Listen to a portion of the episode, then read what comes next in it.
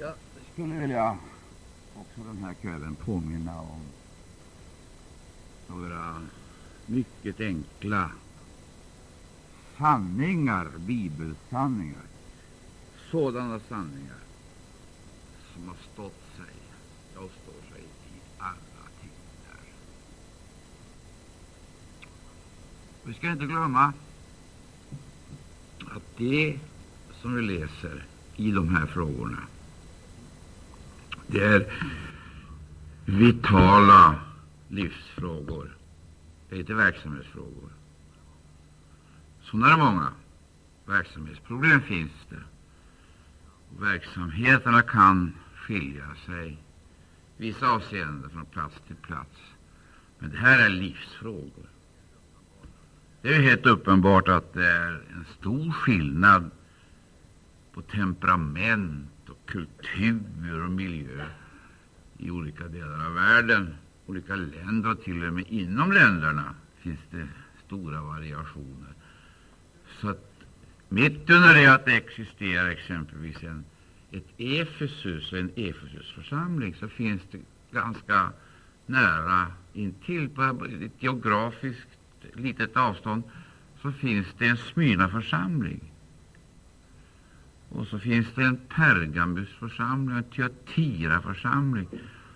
Och fastän de finns alltså i tiden och till och med samtida och ganska nära varandra, så kan det vara stora skillnader på den andliga kvaliteten. Egentligen så är ju detta nedtecknat för att vi ska ta lärdom. Och Det är väldigt viktigt att vi ständigt påminner oss om det. Nu är det faktiskt på det här sättet att en gudstjänst den kan aldrig arrangeras. Och Det finns inga som äger kapacitet eller förutsättningar för att kunna skapa en gudstjänst. Möten kan vi ha, möten med olika tema och med olika intressen. Vi kan aldrig skapa en gudstjänst. Det måste Anden göra. Inget annat. Det är bara Anden som kan skapa det. Om jag är teologidoktor ordinerad till präst och utrustad med fullmakter. Och har alltså en kyrklig myndighet. Och kan med de resurser som jag erbjuds. Det kan vara symboler, det kan vara dekorationer, det kan vara liturgier eller vad som helst så kan jag icke arrangera eller skapa en gudstjänst. Det blir i så fall ett självvalt gudstjänstväsende. Och det varnar Bibeln för. Den enda faktor och den enda makt som kan åstadkomma det som är så oändligt oändligt nödvändigt i alla tider för Guds folk, det är den heliga Ande. Och därför, kära ni, är det så oerhört betydelsefullt att vi, du och jag, inte nöjer oss med traditionens traditionens Jag säger det för tredje gången. Traditionens mötes eller Guds förment gudstjänstliv. Det går inte att skapa gudstjänst på en tradition. Det måste bli omedelbara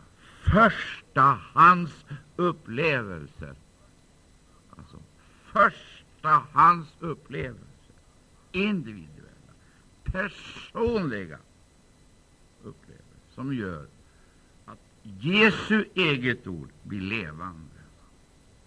Levande och levande. Och nu ska jag säga en sak till, som är så väldigt viktigt i det här sammanhanget. Får inte, den, får inte församlingen uppleva det här, så blir den en död massa som kan ägna sig åt uppgiften att vårda traditionen och balsamera lik. Det kan göras väldoftande, sköna former, och det kan ges färger och annan prakt, men det blir aldrig någonting annat än en begravningsakt. Hör du det?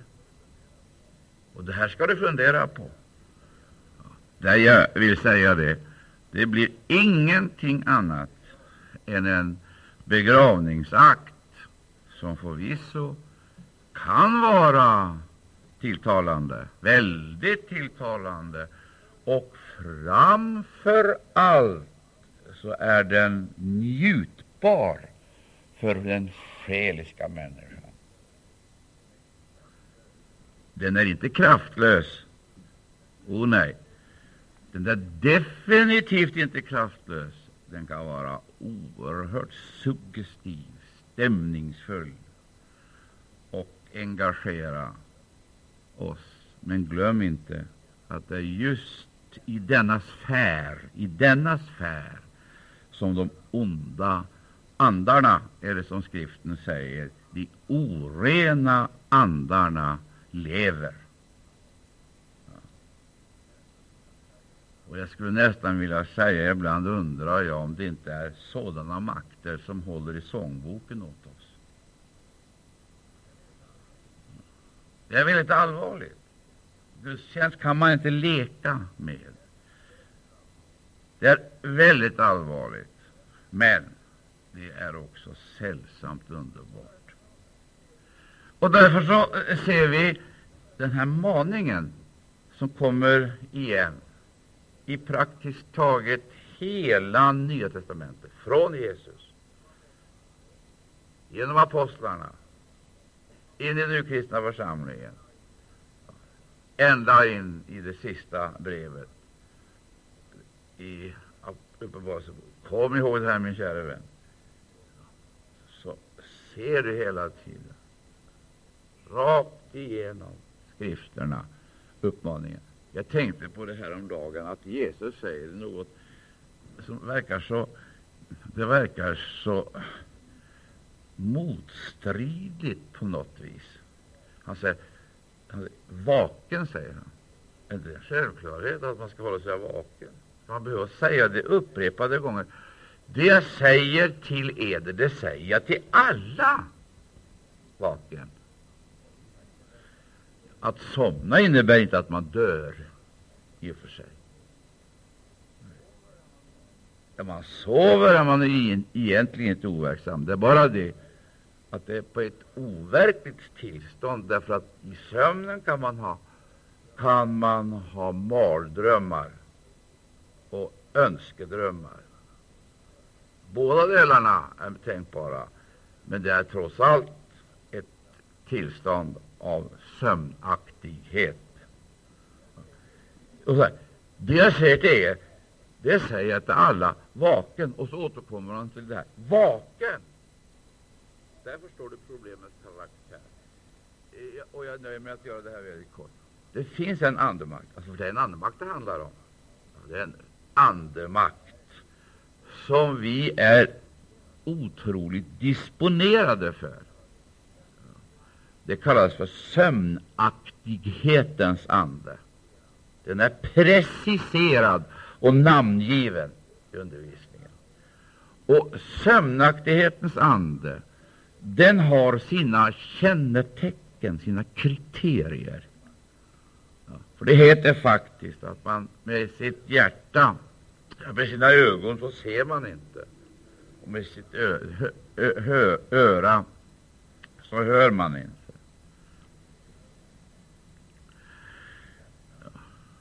Och med sitt hjärta förstår man inte. Blind, döv och okänslig. Det är sömnaktighetens ande. Och den är tyvärr väldigt vanlig. För några år sedan så läste jag en artikel ifrån det som skedde i slutet av andra världskriget, då man försökte operera och eh, experimentera i laboratorierna nya förstörelsevapen. Men man hade kommit på en idé. Man skulle skapa fram något medel som kunde söva en hel befolkning, en stad exempelvis, som man tänkte ockupera. Söva ner hela staden ett antal timmar, ett dygn eller två dygn. Och när hela staden sov, så utförde man ockupationen. Då utförde man ockupationen. Precis den där metoden har Satan använt i alla tider. Det är att söva ner trons folk. Och under tiden de sover och drömmer, så händer det. Man blir besatt, ockuperad av en främmande härsmakt. Man upptäcker det först då man väcks till liv av den ena eller andra orsaken.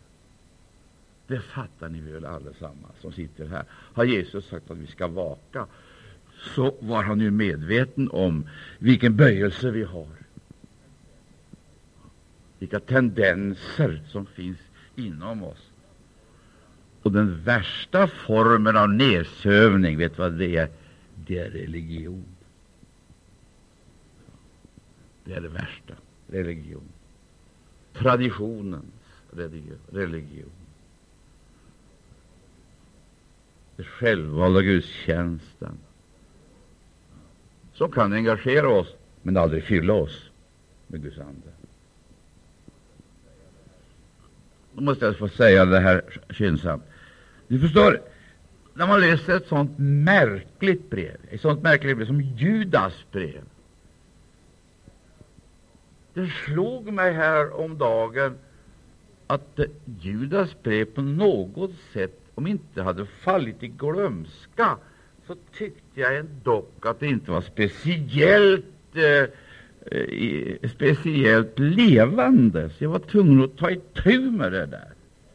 Riktigt ta itu med vad Judas vill säga och varför han uttalar sig på det sätt som han gör. Varför uttalar han sig? Det vill säga, de faror som vi brottades med fanns redan då, fast idag kallas de, de kallas någonting annat. Och det här, vi förstår inte sammanhanget, därför att idag har andra namn, men det är samma makter, myndigheter, som vill helt enkelt söva ner oss och göra oss passiva, vill göra oss neutrala eller på annat vis göra oss odugliga i den heliga striden. För vet du vad han säger? Han säger så här. Han talar om att han känner det angeläget och nödvändigt att skriva till syskonen i troende i alla sammanhang. Uppmanar dem att kämpa. Där har du det. Kampen mot sömnaktigheten. Kampen mot bekvämligheten. Kampen mot fegheten. Kampen mot lättjan. Kämpa för den tro, halleluja, som en gång för alla är överlämnad åt det heliga. Ja, lägger märke till, det är ingenting som ska ändras. Det här är grundläggande och håller sig i alla tider. Det är tidlöst. Vi kallas till kamp för värden som vi inte kan, inte har förmåga till att med vårt intelligen, vår intelligens fatta. Tron. Den tro som en gång för alla är överlämnad åt det heliga. Och så kommer det längre ner i det här brevet alltså, att vi ska uppbyggas på allra heligaste tro. Kämpa för den tro som en gång för alla är överlämnad åt det heliga och uppbyggas på vår allra heligaste tro. Ja, käre Gud i himlen. Nu gör jag det här kort och så förklarar jag det så här. Det här säger inte predikanter vanligtvis. Men jag ser en tydlig koppling emellan det Judas säger, maningen till kamp, och det Jesus säger, vaken. Och så det här, stå honom emot, fasta i tron. Jag ser en koppling mellan det och nödvändigheten av att bli uppbyggd. Alltså inte på den kyrkliga trosbekännelsen. Inte uppbyggd för att bejaka och, och bekänna. Uppbyggd på allra heligaste tro. Och där frågan om finns det alltså grader av tro grader, kvaliteter. Finns det en sämre och en bättre tro? Finns det en helig tro och en allra heligaste tro? Gör det det? Visst. Och var finns denna tro någonstans? Lyssna ett litet ögonblick till, till på det här innan jag går upp på nästa område. Du, här ska du få höra. Kampen, den preciserar han ganska tydligt och så talar han om sådana företeelser som det här. Han talar om Kains väg. Har du läst om det? Och Biliams villfarelse. De har trätt in på Kains väg. Det finns mycket att säga där. Kain var alltså en brobyggare, en vägingenjör. Och han invigde en väg. Han invigde en väg som har gått rakt igenom hela historien, från generation till generation. Och den vägen, den har sitt slutmål. Kains väg den slutar icke i Nya, i Nya Jerusalem. Gör den inte? Det är en mycket bred väg. Den leder till Babylon. Och vad är Babylon? Ja, låt mig få uttrycka det så här. Det är religionens Mecka.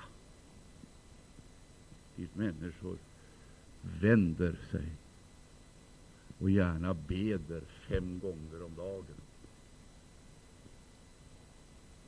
Det är religionens Mecka. Och vad är då Biljans villfarelse? Jag säger det kort. Det är förförelse. Biliam var profet och kallad att förbanna. Det kunde han inte. Det gick inte bara. Och han kom med Gamla testamentets vackraste profetia om Jesus Kristus. Det gjorde han. Och så välsignade han Israel. Han var profet. Vad var det för fel med denne profet? Han var köpt. Han åstundade lön för sin profetia. Där har du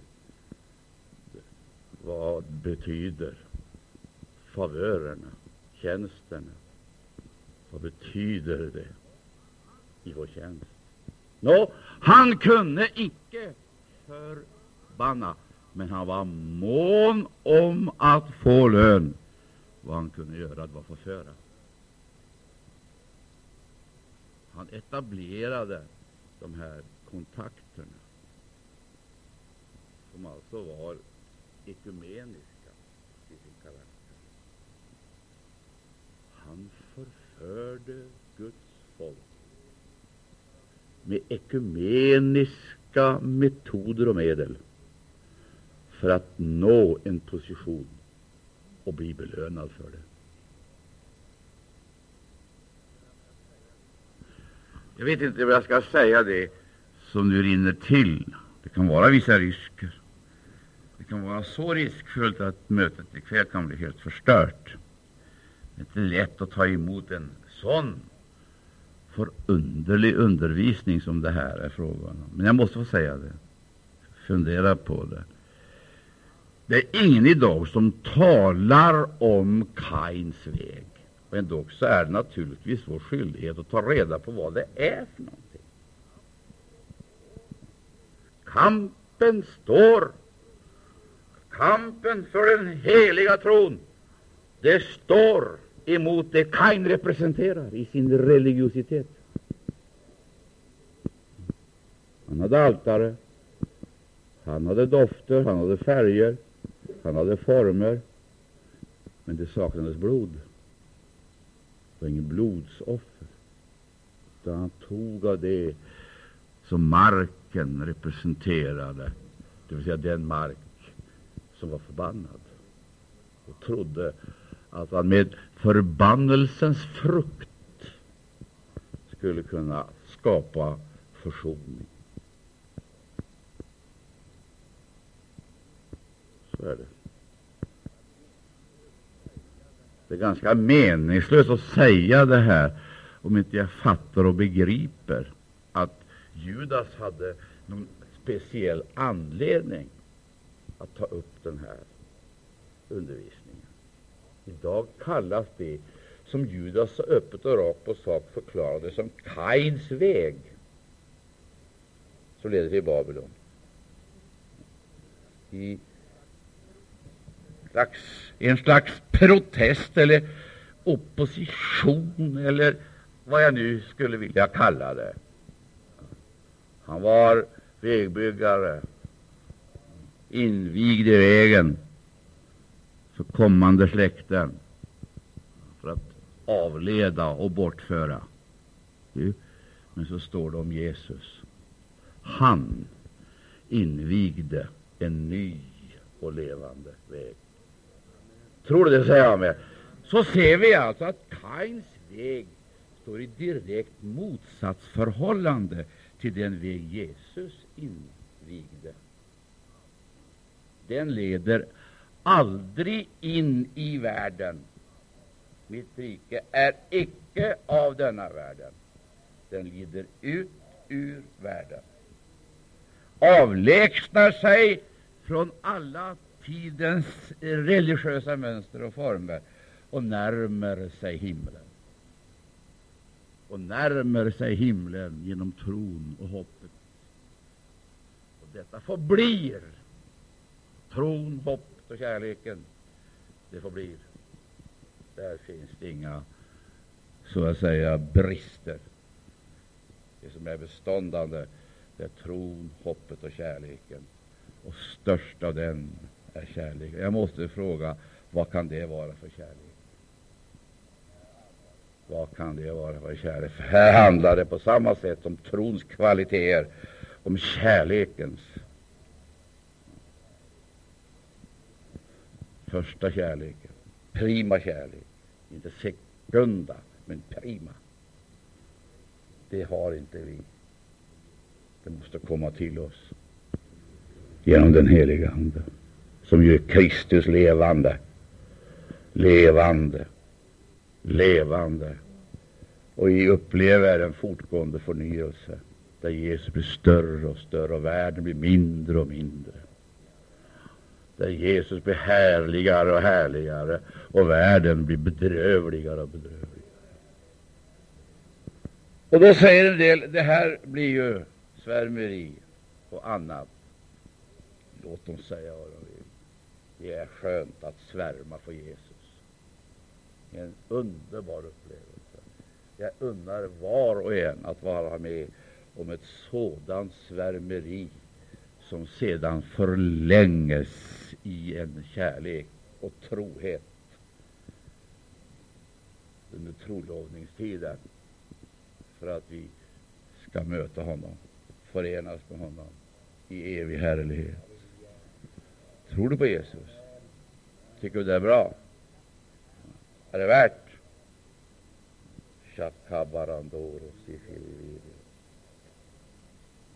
Ser du? Jag måste skynda mig, för tiden går, och jag vill ha sagt en hel del saker här ikväll. Det Judas kallade det för Kains väg, Belia, Bilians villfarelse och det han ställer fram som ett varnande exempel. Det är Sodom och Gomorra. Oj då. Där har du flera dim dimensioner på en och samma gång. Kains Biliams villfarelse, Sodom och Gomorra och sedan änglarna som inte behöll vad då? sin värdighet. Hur gick det med dem? Hur gick det för änglarna? Hur gick det för Sodom och Gomorra?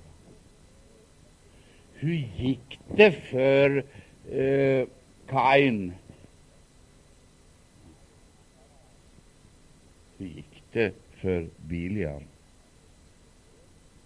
Ja, det är egentligen bedrövligt att konstatera detta, vad resultatet blev.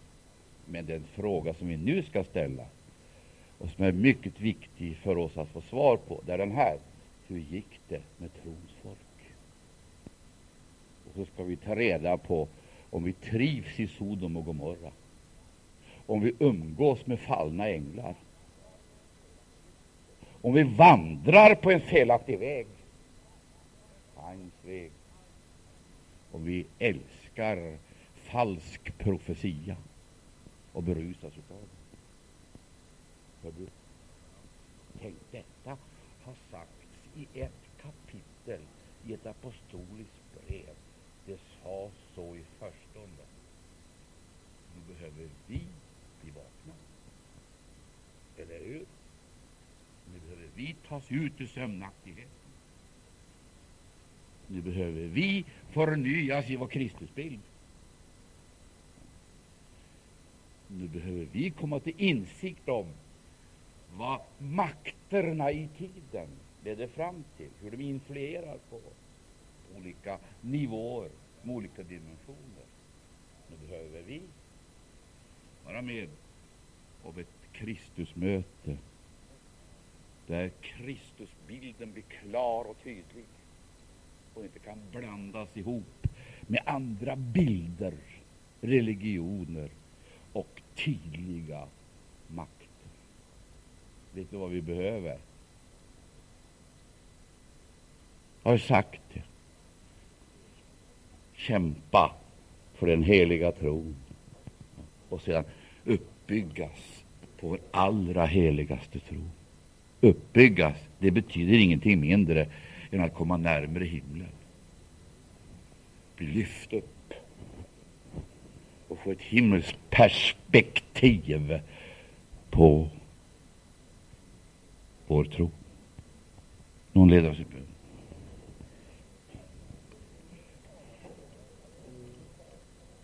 talade redan aposteln Paulus så oerhört intensivt och gripande om församlingens många frestelser, alltså faror och böjelser.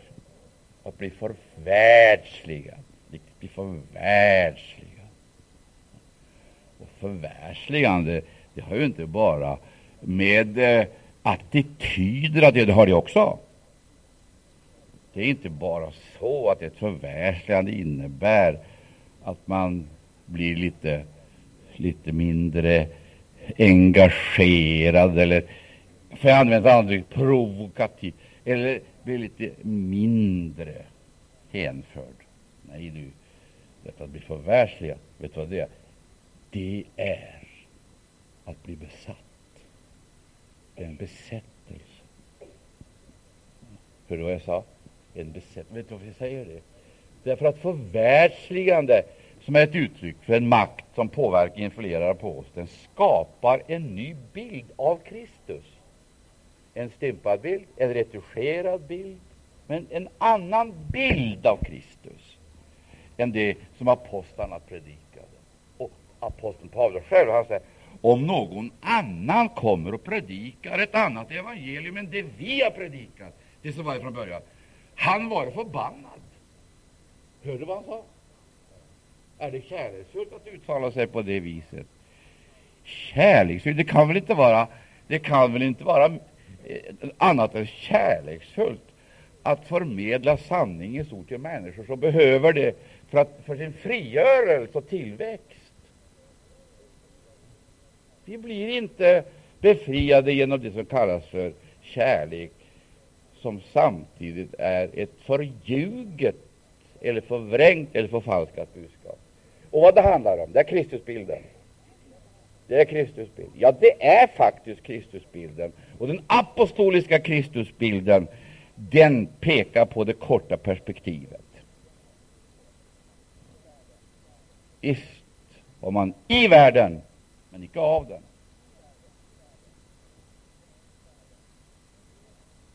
I den meningen att man i tiden på jorden. Men här skulle alltså församlingen vara en himmelens koloni. En himmelens koloni. Jag skulle nästan vilja säga gode Gud. I världen upplever församlingen det främlingskap som är nödvändigt hemlandslängtan. Och I församlingen finns hoppet. Och det räcker inte, det levande hoppet. Hoppet som icke låter oss komma på skam. Vad var det? Vad var det levande hoppet? Det var förvissningen om förvissningen om att Jesus kommer, och han kommer snart. Det predikade man ständigt. Apostlarna betonade det. De väckte, väckte, påminde och påminde inför alla frågor som överhuvudtaget kunde komma i församlingen och inför alla de reaktioner som man kan tänka sig i den levande Gudens församling så predikade han. Ja, alla apostlarna. Det uppstår problem, förvecklingar, Därför att det är trons kamp det gäller för värden som vi icke på något sätt alltså kan eh, fastställas med klingande valuta. Ära vår Gud, som aldrig devalveras. Vad sa man? Jesus kommer. Jesus kommer. Du, det var egentligen själva tonen. I gemenskapen. Jag måste säga det, det finns inte ett enda brev i den här boken som icke åter och åter och åter och åter, åter ställer församlingen inför det faktum hur underbart det än är i tiden, hur svårt det än är och problematiskt det än är, så står en sak fast. Det är Jesus kommer. Han skall förhärliga sig själv i sitt eget folk. Har du tro för det? säger han. Det har kyrkan tappat i alldeles förfärlig katastrofal utsträckning, vilket egentligen innebär att det levande hoppet har gått förlorat. Man har tro, predikat tro, och man kan också predika i kärlek. Det ligger liksom i tiden. Jag behöver inte försöka att analysera eller definiera kärlek. Det var nämner, inte heller eh, eh, tron. Man tror och man älskar. Men det man saknar, det är hoppet. Det levande hoppet. Därför att det levande hoppet gör himlen verklig. Man ser redan här och nu genom hoppet den härlighet som väntar. Och hoppet, det är själens ankare, kastat innanför förlåten. Själens, tankens, känslans och viljans. Ja. När man blir gripen av hoppet, tänker man på himlen. Då sjunger man om himlen. Då vittnar man om himlen och älskar Jesu tillkommelse. Gör du det? Hur är det med själsförmögenheterna? Tanken? Vad tänker du på? Har du ett kort perspektiv eller har du slagit dig till ro i tiden och acklimatiserat dig i världen? Då är du i så fall en dementi på det sanna och levande frälsningsbudskapet. En dementi, en ljum kristen. Tragedi, en tragedi. Jag har sagt det här förr, men jag måste upprepa det. Det är frågan om det levande hoppet. Alltså själens ankare kastat innanför förlåten. Själens tanken, vad tänker du på med avseende på ditt liv? Med avseende på din framtid? Vad tänker du på med avseende på löftena om hans tillkommelse? Men vad är det som fyller dina känslor med riktig glädje eller djupt allvar och till och med vemod? Vad är det som inspirerar? Vad är det som engagerar? Här som gör livet så jublande innehållsrikt, men också fyller hjärtat med sån nöd? Känner du att det är frågan om hoppet? Ära vare Gud. Din känsla. Tänk att känna. Att man har en kommunikation, en levande kommunikation ovanifrån, hemifrån. Och sen känna denna oerhörda längtan. Denna, den är helt obeskrivlig. Jag kan inte använda uttrycket person, för det räcker inte.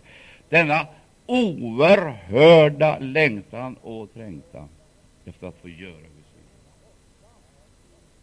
den kan bli så våldsam att förverkliga Guds plan med ens liv så att man inte orkar äta.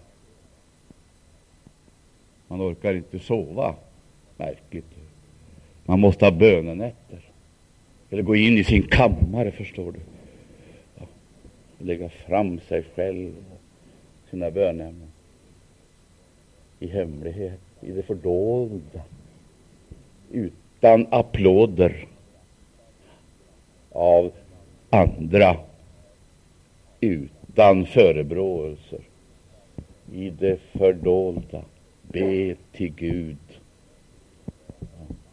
som sedan uppenbarar det i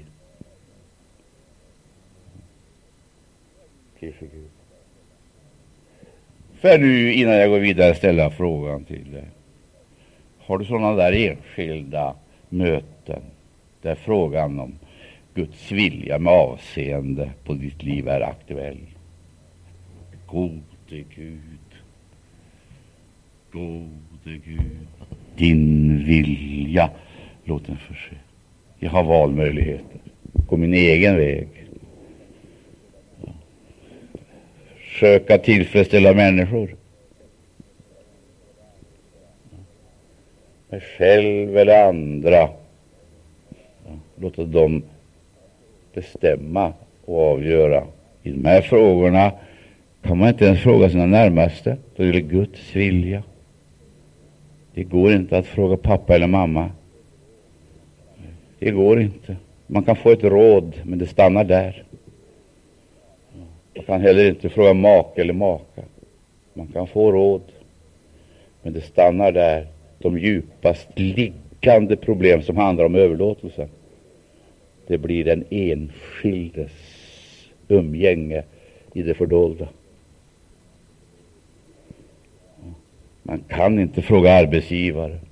Man kan inte ens låta förkunnare, äldstebröder eller någon annan ledning avgöra. Man kan ta emot råd, men beslutet måste man fatta själv inför Gud.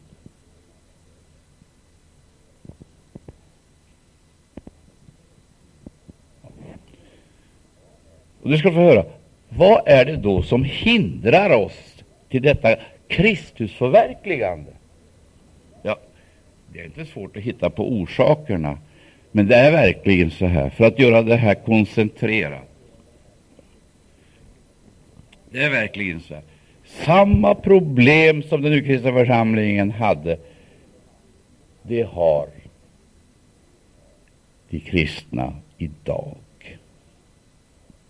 Samma, fastän. Det kan variera, därför att det uttalas och uttrycks på ett annat sätt. Det får andra namn, och det har liksom en större omfattning. Det är liksom globaliserat.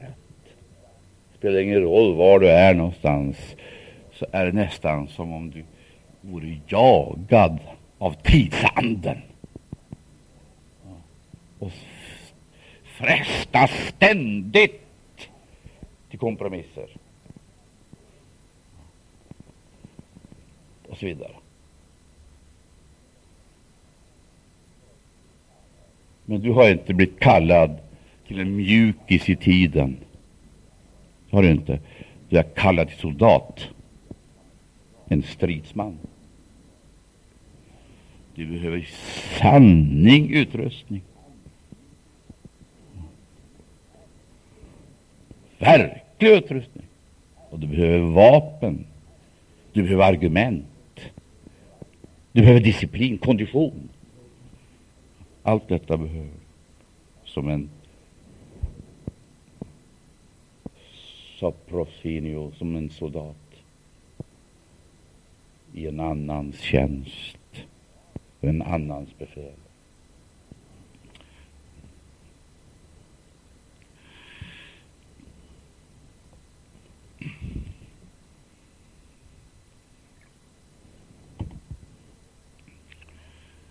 Gud vare lov. Och du behöver en, en jordbrukares.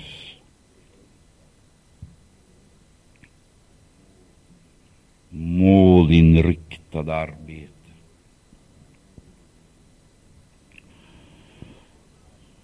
I alla väder behöver du Gud, en jordbrukares vision om en kommande skörd.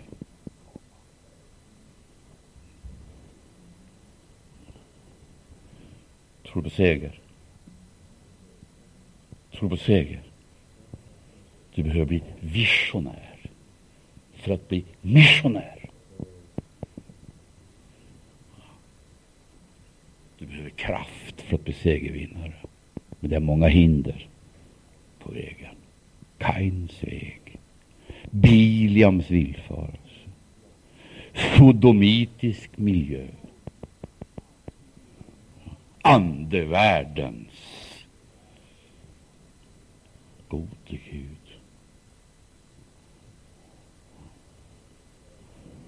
Oerhörda förföriska löften. Det står faktiskt att Satan själv förkläder sig till apostel.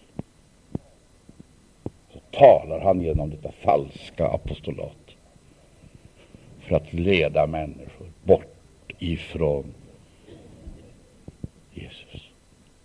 till en annan Kristus, som egentligen är Antikrist, förkroppsligad genom Antikrist ande, struktur och system. Nu ska jag säga det som jag drar mig för. Jag tror faktiskt vi måste bedja nu så jag klarar av det här. Jag tror ingen utav er blir glada för det. Det måste man faktiskt tänka på och smälta. Någon leder oss i bön, vem som helst. Det jag säger nu måste du tänka på. Ta inte emot det här okritiskt. Du kan inte säga att Arne Imsen har sagt det och därför är det rätt. Du måste pröva det, ta ställning till det. Men var inte ytlig så du så att säga försöker hoppa till en annan tuva. Du löser inte det här genom att gå ifrån den ena tuvan till den andra.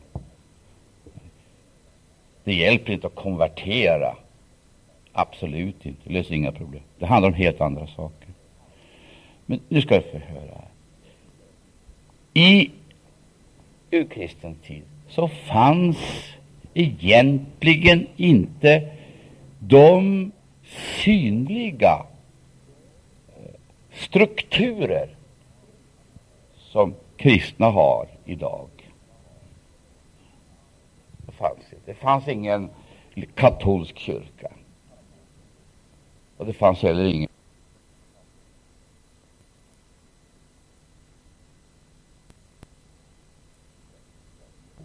prästerskap. Och ännu värre, det fanns ingen sakral, sakralt och vikt kyrkorum. Det fanns ingenting. Det existerade ingenting av detta. Och det fanns inget mässoffer. Det fanns inte. Det fanns inga tidigärdsböner. Det fanns ingen Mariakult. Ingenting av detta fanns i den urkristna tiden. Det fanns ingen biktstol, ingen absolution. Vad jag talar om, detta existerade naturligtvis i församlingsgemenskapen, men det var inte strukturerat och institutionaliserat. Det fanns inga pastorer och biskopar och absolut ingen påve. Men det fanns bröder, församlingsföreståndare, syskongemenskap, brödsbrytelse. Det fanns. Och det fanns en gemenskap som inte var ytlig eller kyrklig. Helt okyrklig var församlingen en familj utan klasskillnader, nivåskillnader. Det fanns inte en hierarki som styrde, och behärskade och dominerade. Käre Gud, det fanns det inte. Eller har ni hittat det, så får ni vara vänliga att korrigera mig. Men jag kommer inte att ge mig det, i det första. Jag håller på med det här nu i snart 40 år. Jag blir än mer klar över att kommer vi icke ut ur den institutionaliserade kristenheten, då kommer vi att förpuppas.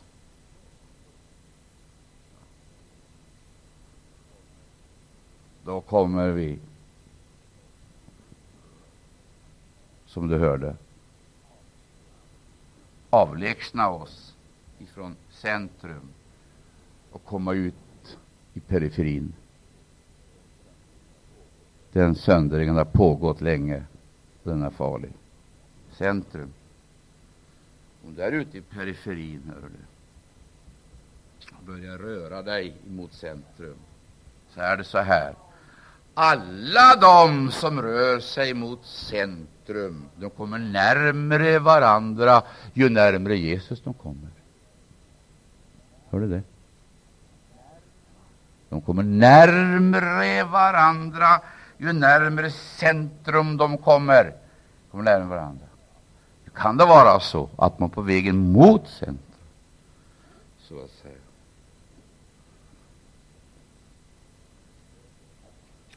möter, ligger på samma så att säga breddgrad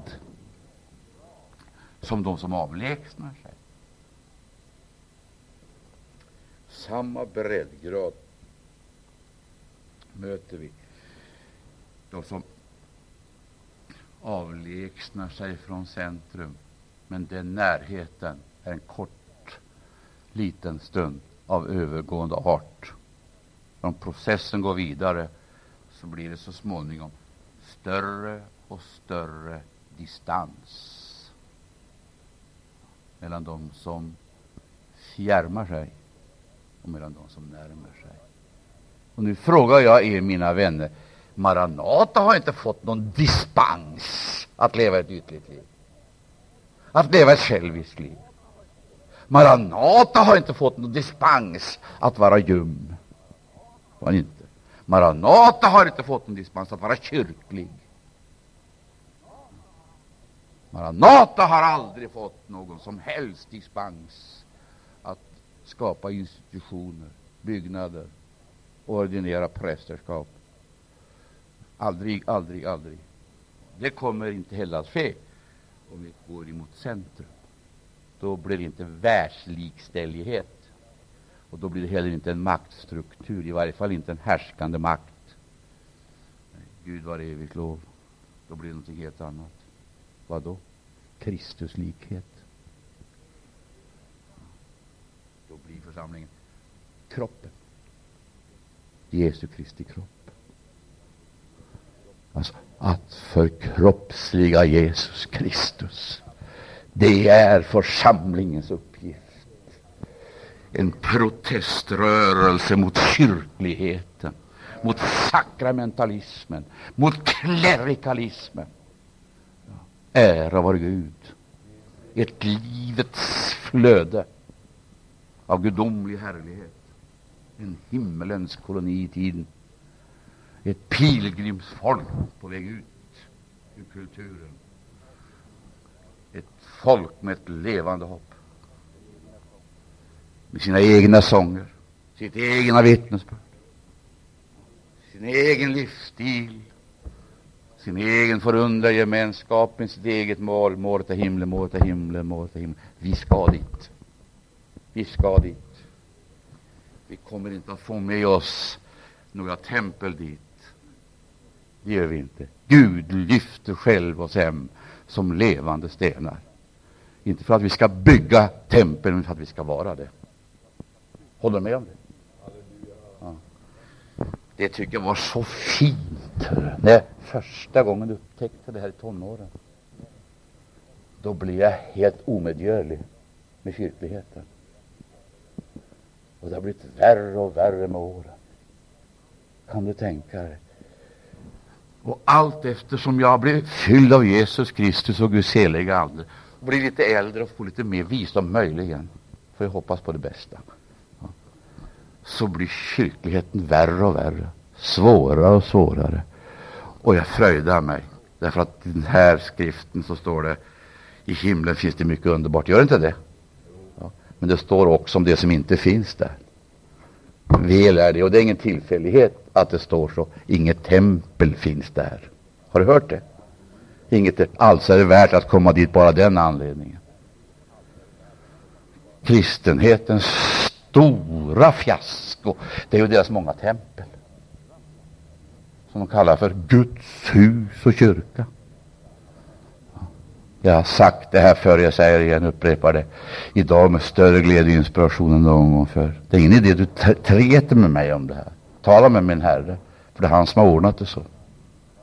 Han har aldrig sagt nu ska ni bygga tempel, bygga kyrkor. Nu ska ni utbilda präster. Han har, bli fyllda med kraft från höjden för att bli mina vittnen. Vet du vad det är? Det är det allmänna prästadömet smord av den heliga Ande för gudomliga funktioner. en himmelsk ordination som gör att vi allesammans genom den heliga Ande kan bli skickliggjorda. Så säger han amen till det? Skickliggjorda att tjäna Gud. Ta alla kyrkor. Jag följer Jesus. Det kanske låter lite förmätet, men det är härligt. Helt underbart att Jesus aldrig sa gå till altaret. Sa han inte.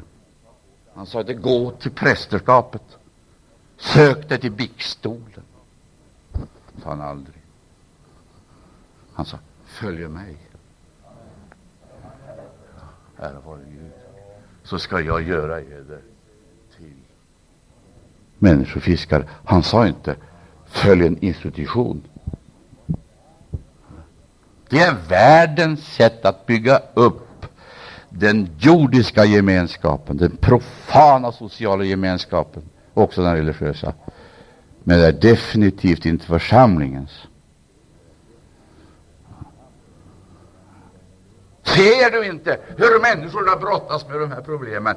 De har ju så att säga, experter och specialister på alla områden. Teologi, religion, historia. Och de kan lägga fram sina teser och sina läror, sina dogmer. Och det förändras från tid till tid. Den ena perioden så är det feministteologin. Den andra perioden så är det befrielseteologin. Så en viss period så är det en ny modefluga, det är socialetiken. Eller så är det karismatiska elementet. Nu ska jag få höra här. Vet du vad Kains väg är? Det är kyrkorna. De får vara lutherska eller katolska. Det är Kains väg. Vet du vad Biliams lära är?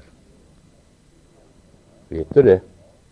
Det är karismatiska väckelserörelser som har stelnat och söker något annat.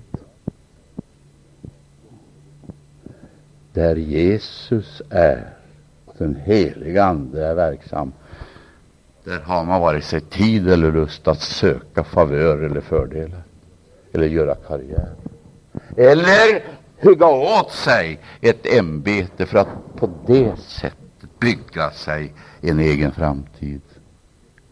Jag känner det bubblar i mitt hjärta. Och vad kan det vara för någonting?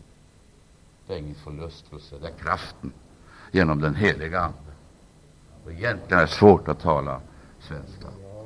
Jag borde tala kanans tungomål.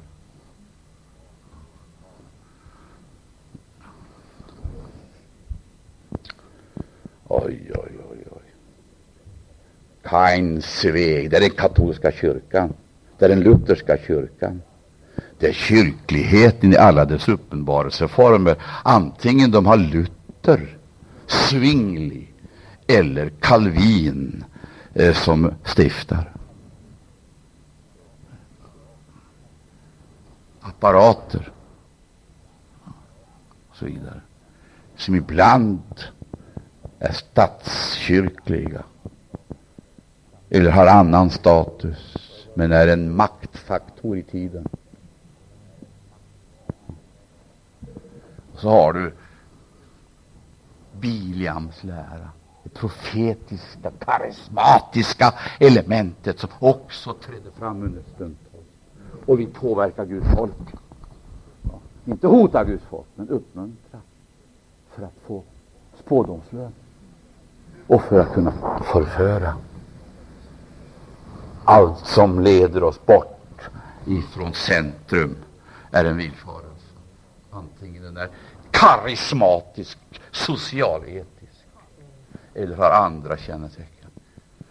Nu blir jag nästan lite upptänd här och skulle vilja ropa Far! Du makt som binder Guds folk. Vilken med vilken rätt vill du leda och få höra Guds folk bort ifrån sanningens väg?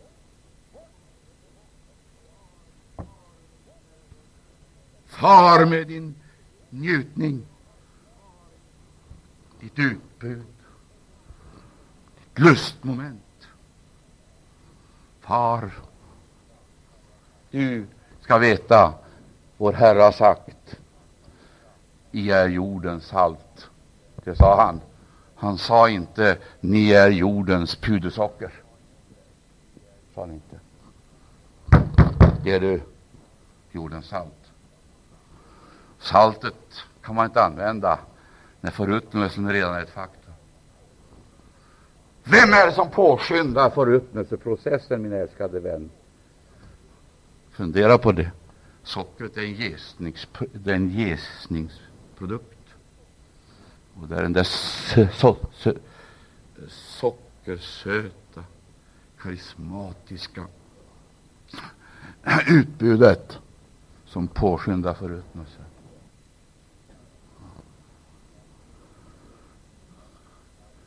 Religionens narcissism, var finns den någonstans? Om inte i kyrkorna. En narcissistisk religion. Åh, oh, Herre hjälp oss. Sånt. Herre hjälp oss, så vi förstår det här. Ta konsekvenserna av det. Vad ska man då göra? Fly! För ditt livs skull. Gå ut ifrån henne, mitt folk. Gör en icke delaktig i hennes försyndelse. Det vill säga, solidarisera dig aldrig med Kains religion. Biliams karismatiska manifestationer eller sodomi. Och vad är det för någonting? För du vet ju att det är frågan om att beskriva köttet, men det är någonting mera. Det är feminismen som bryter ner skapelsens ordning och gör man till kvinna och kvinna till man. Livsstil, språk och beteende. Bibeln kallar det för ett onaturligt partnerskap.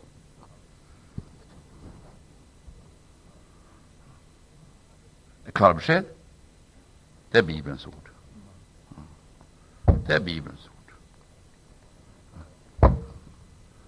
Så talar Bibeln om frälsningens grund. Det första. Vad är det för någonting? Hebreerbrevet, det är bara att läsa. Hör du präst som har tagit dig auktoriteten, eller fått den genom en ordination. Varför predikar du inte Guds ord om dopets nödvändighet? Dop föregånget utav omvändelse om Personlig tro. Tron kan inte traderas. Traditionen kan traderas, naturligtvis. Symbolerna kan det också, processioner och allt det andra. Men tron kan det aldrig, för den är levande. Ja, den fortplantas genom livets egna lagar. Tror du på det? Tron kommer av predikan, och predikan är kraft av Kristi ord. Vet du vad det här är för något? Det är sekterism. Halleluja. För det är den som har överlevt i alla tider emot denna väldiga maktapparat som går under namnet kyrka. Gud, tack att du från början gjorde mig till sekterist. Det vill säga, jag blev stämplad med exakt samma etikett som den urkristna församlingen. Det var en sektlära förkunnad av en sekterist. Och det var Paulus som var sekterist. sodomin, feminismen.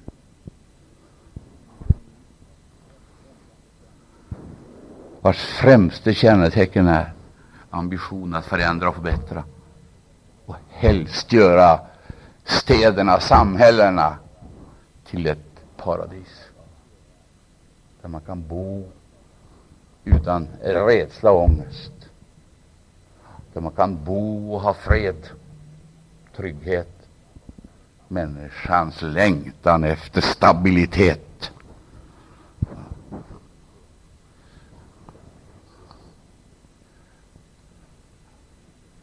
Oj, oj.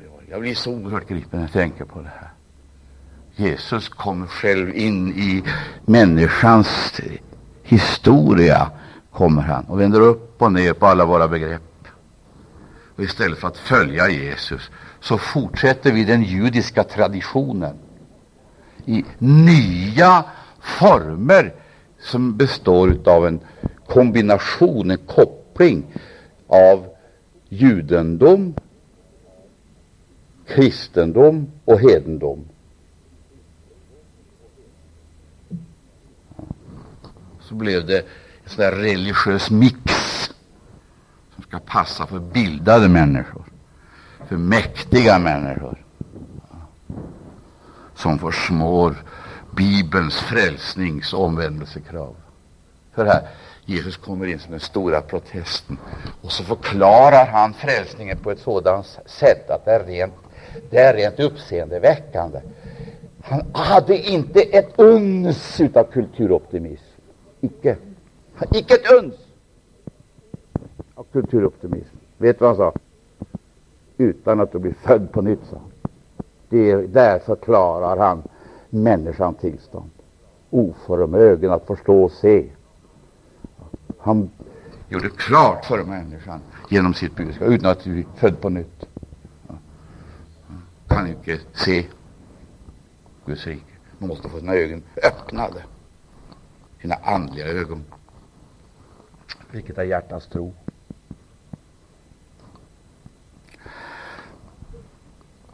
utan att bli född av vatten och ande.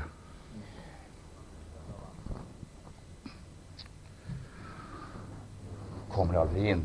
Först måste få syn på den verklighet som är mer verklig än alla jordiska riken i tiden. Måste få syn på Guds rike. Få eh, trons ögon öppnade. Och när du får trons ögon öppnade, då får du inte se en kyrka eller ett prästerskap, en tradition. Nej, du, då får du se ett rike över vilket det står Mitt rike är icke av denna världen. Är det sant? att Jesus, Mitt rike är icke.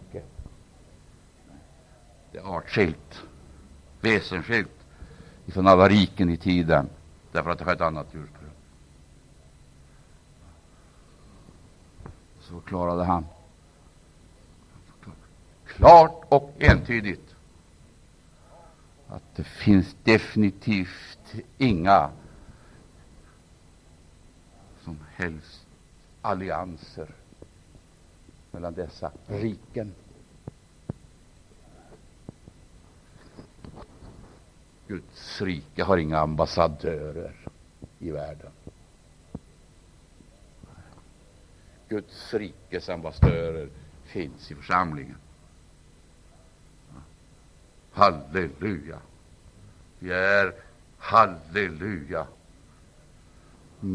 vi är bemyndigade att vara ambassadörer med uppdraget att förkunna försoningens budskap. Det är Gud som genom oss, församlingen, förmanar. Tänk, Gud förmanar låten eder försonas med Gud.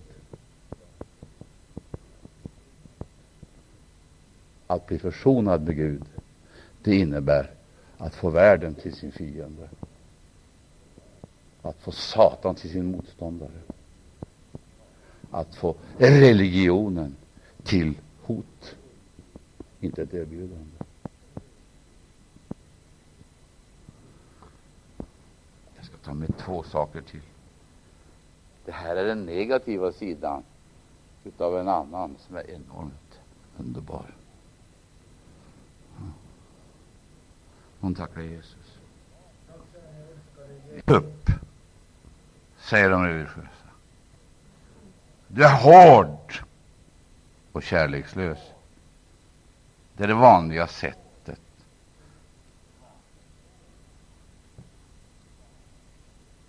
uttryckssättet. för all del. Säg inget illa om tupparna. Hur skulle det ha gått med Petrus om inte tuppen hade väckt honom? Lärjungarna hade inte förmått det, men tuppen gjorde det. Då behöver vi sådana toner som kan väcka oss upp över det faktum att nu har vi avlägsnat oss ifrån Jesus. Nu har vi kommit på avstånd. Sådana signaler är nödvändiga. Det är inte alldeles säkert att de kom genom de vanliga kanalerna. Det visar sig att när Gud fick tala till profeten Biliam, då måste han ta en åsna. När han ville väcka Petrus, en apostel, då fick han ta en tupp. Profeten såg ju inte det åsnan såg, förmådde inte upptäcka vilka hot. Han såg inte svärdet, han såg inte ängeln. Men åsnan gjorde det. Frågar åsnan, varför slår du mig?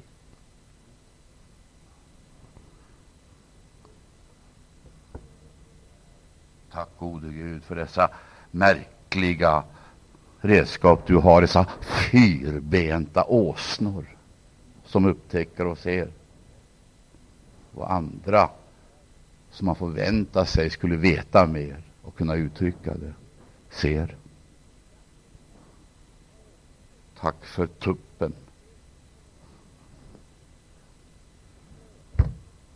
Som helt plötsligt, nattens timmar, på oväntad tid signalerade. Nu Petrus, nu får du vakna. Nu går du fel. Nu har du avlägsnat dig från Jesus. Herre, använd den fyrbenta åsnan. Använd tuppen som man inte förväntar sig någonting utav. Använd vad du vill, bara du håller oss vakna. Använd vad du vill, bara vi kommer närmare dig och inte avlägsnar oss och kommer bort ifrån dig. Använd vad du vill. Använd vad du vill. Bara det inte uppstår något avstånd.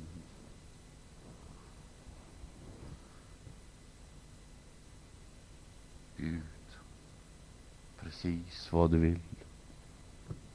Precis vad du vill. Precis vad du vill.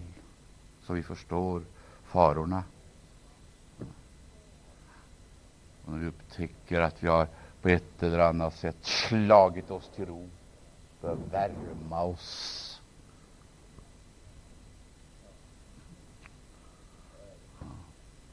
vi andra värmekällor. Då vi slutar att bekänna av fruktan eller feghet. Du, jag känner igen dig. Hör du det han sa? Framförallt så hör jag att du är en utav han. Det hör jag på dialekten. Det finns ett och annat som avslöjar vem vi är. Du har ju varit tillsammans med honom. Tack, lov och ära. Du sänder dina tjänare, dina redskap för att föra oss in i din fullkomliga vilja. Utför ditt verk ditt namns ära och förhärligande. Tiden har ju gått. Jag ska bara ta några minuter till. Åh, Maranata, Maranata, Maranata.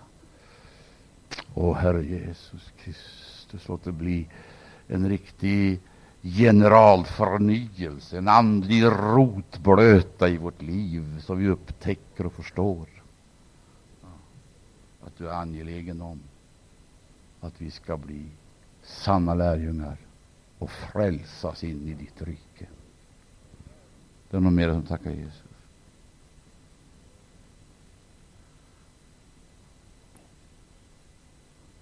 Akta dig.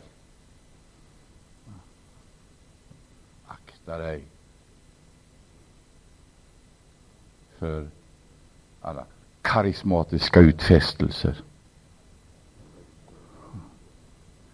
Akta dig för feminismen.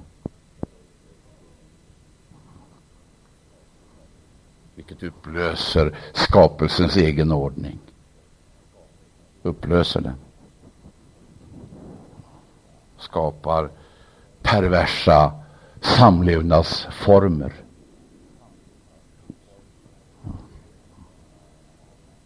Gör som änglarna manar om du känner att du är influerad. Fly. Inte för den bekvämliga skull. Fly för ditt livs skull. Och se dig icke tillbaka. Fäst blicken på målet. Gud välsigne dig.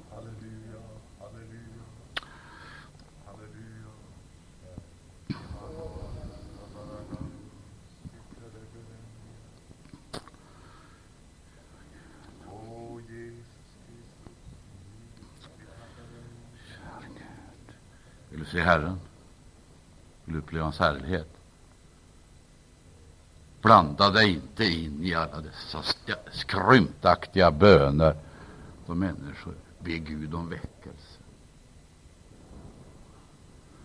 Det kommer ingen sån.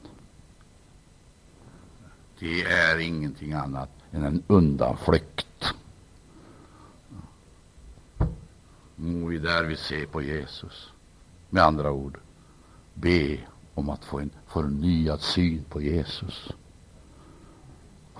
Vidga ditt rum i ditt hjärta för honom. Och där Jesus är, där är det väckelse. Det kan jag försäkra dig. Och få hans större utrymme i våra liv. Då kommer detta Kristusförverkligande att bli som en atomexplosion. Oerhört många kedjeverkningar. Herre, jag kan inte bedja annorlunda. Jag ropar till dig, gör oss till en atomkärna. Gud i himlen, låt Kristuslivet spränga bojorna så att vi blir frimodiga vittnen som inte flyr undan martyriet tackar dig för ynnesten att få lida med dig. För när ditt folk blir attackerat så är det egentligen inte ditt folk man bekämpar, utan det är en smord. Det är Messias. Det är Guds son. Ära var Gud. Tack att vi får vara med på den väg du invigde. Den är inte bred, den är smal, men den leder till himlen. Dit vill vi. Vi vill dit. Halleluja. Du sjunger i mitt hjärta. Är det någon som kan ta en ackord? Jag vet inte vilken du